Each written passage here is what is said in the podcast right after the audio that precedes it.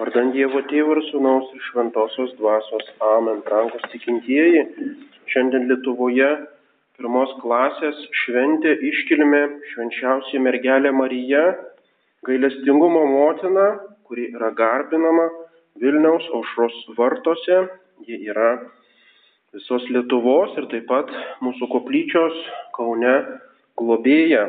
Jeigu žvelgiame į stebuklingąjį Marijos atvaizdą aušos vartuose, kurio kopiją be, be to apkausto sidabrinio turime mūsų koplyčioje, ką mes matome? Matome Dievo motiną sukryžiavusią rankas ant krūtinės, nulenkusią galvą, tai yra tobulo nuolankumo, pasidamimo Dievo valiai, nusižeminimo ženklai. Visa savo laikysena mergelė Marija sako, štai aš viešpatės tarnaitė, taip kaip girdėjome šių mišių Evangelijoje, kaip jinai pasakė angelui.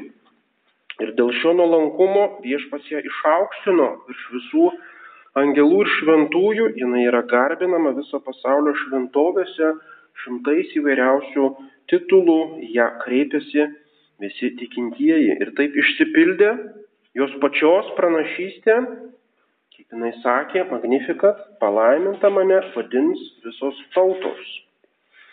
Kodėl ją garbins visos tautos, jinai nepasižymėjo jog kažkokiais žygdarbiais, e, nes nedaugam tai prieinama, nebuvo iš šito pasaulio išminčių tarpo, nedarė kažkokių stebuklų, jinai yra viešpatės tarnaitė, savo žemumu gimininga mažiausiams Kristaus broliams, tiems mažutėlėms šitoje žemėje.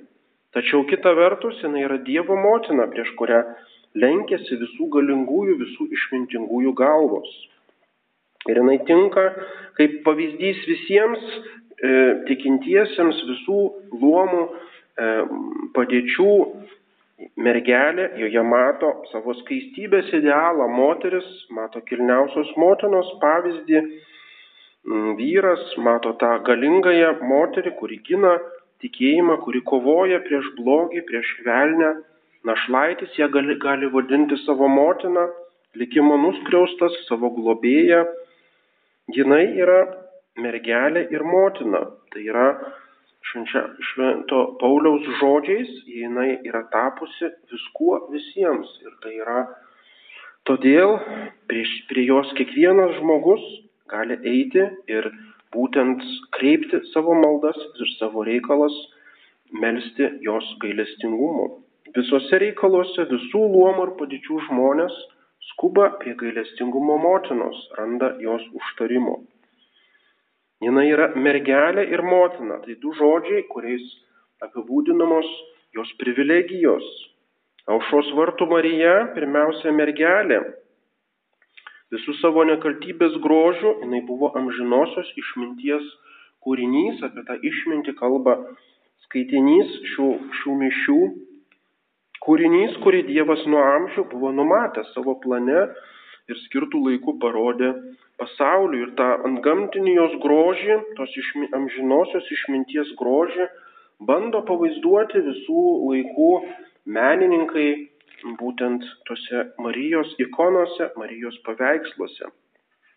Ir po to jinai yra motina, Dievo kaip įsikūnijusio gailestingumo motina. Kas yra Jėzus Kristus, tai yra Dievo gailestingumas, kuris atėjo į šitą žemę, kuris priėmė kūną ir todėl Dievo motina vadinama taip pat gailestingumo motina.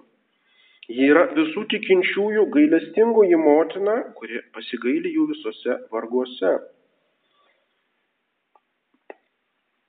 Ir visi Marijos titulai neprilyksta tam svarbiausiam Dievo motina.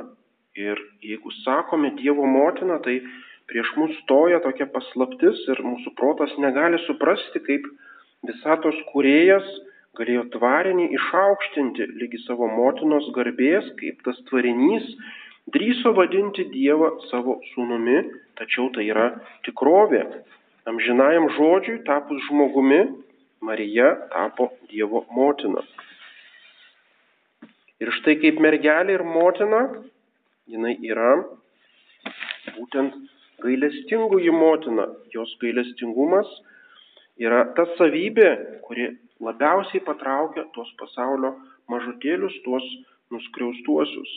Brevijoriaus skaitinyje šiai šventiai bažnyčia parinko skaitinį iš Šventojo Bernardo bažnyčios mokytojo, kuris mm, paima Švento Pauliaus žodžius, atsimename iš jo laiškų apie kryžiaus paslaptį, apie Jėzaus Kristaus paslaptį.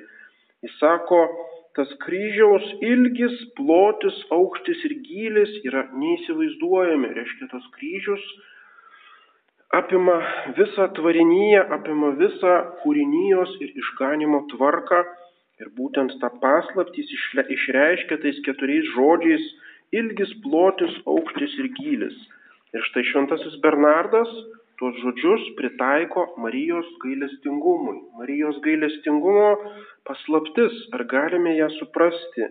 To gailestingumo ilgis yra nuo mergelės Marijos nekaltojo prasidėjimo arba net nuo tos amžinosios minties Dievo išmintyje, kuris sumanė tą mergelę Mariją, lygi pat laikų pabaigos, kol visi išrinktieji bus išganyti, kol pateks į jos sunaus karalystę.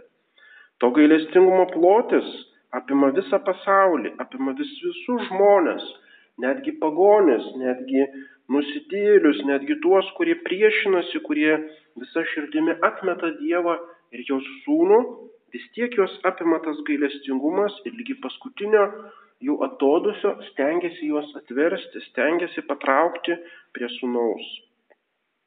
To gailestingumo aukštis siekia dangų, taigi siekia jos sunaus sostą, jinai turi prieimą prie dangiškojo karaliaus, jinai, kuri buvo paimta į, į dangų, galime įsivaizduoti ją kaip dangaus karalienė būtent tokioje laikysenoje, kaip čia šitame paveiksle aušros vartų, jinai rodo visą savo nuolankumą ir prašo ir maldauja savo sūnų visų malonių.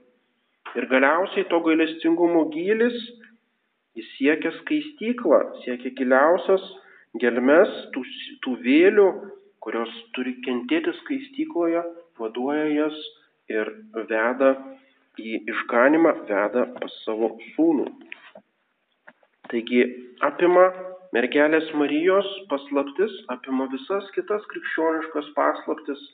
Ja galime susijęti su sutvėrimu, ją galima susijęti su išganimu, galima susijęti su Kristaus kančia ir visomis kitomis paslaptimis. Visa tai, ką galime pasakyti apie Jėzų Kristų, yra vienu ar kitu būdu susiję su Dievo motina.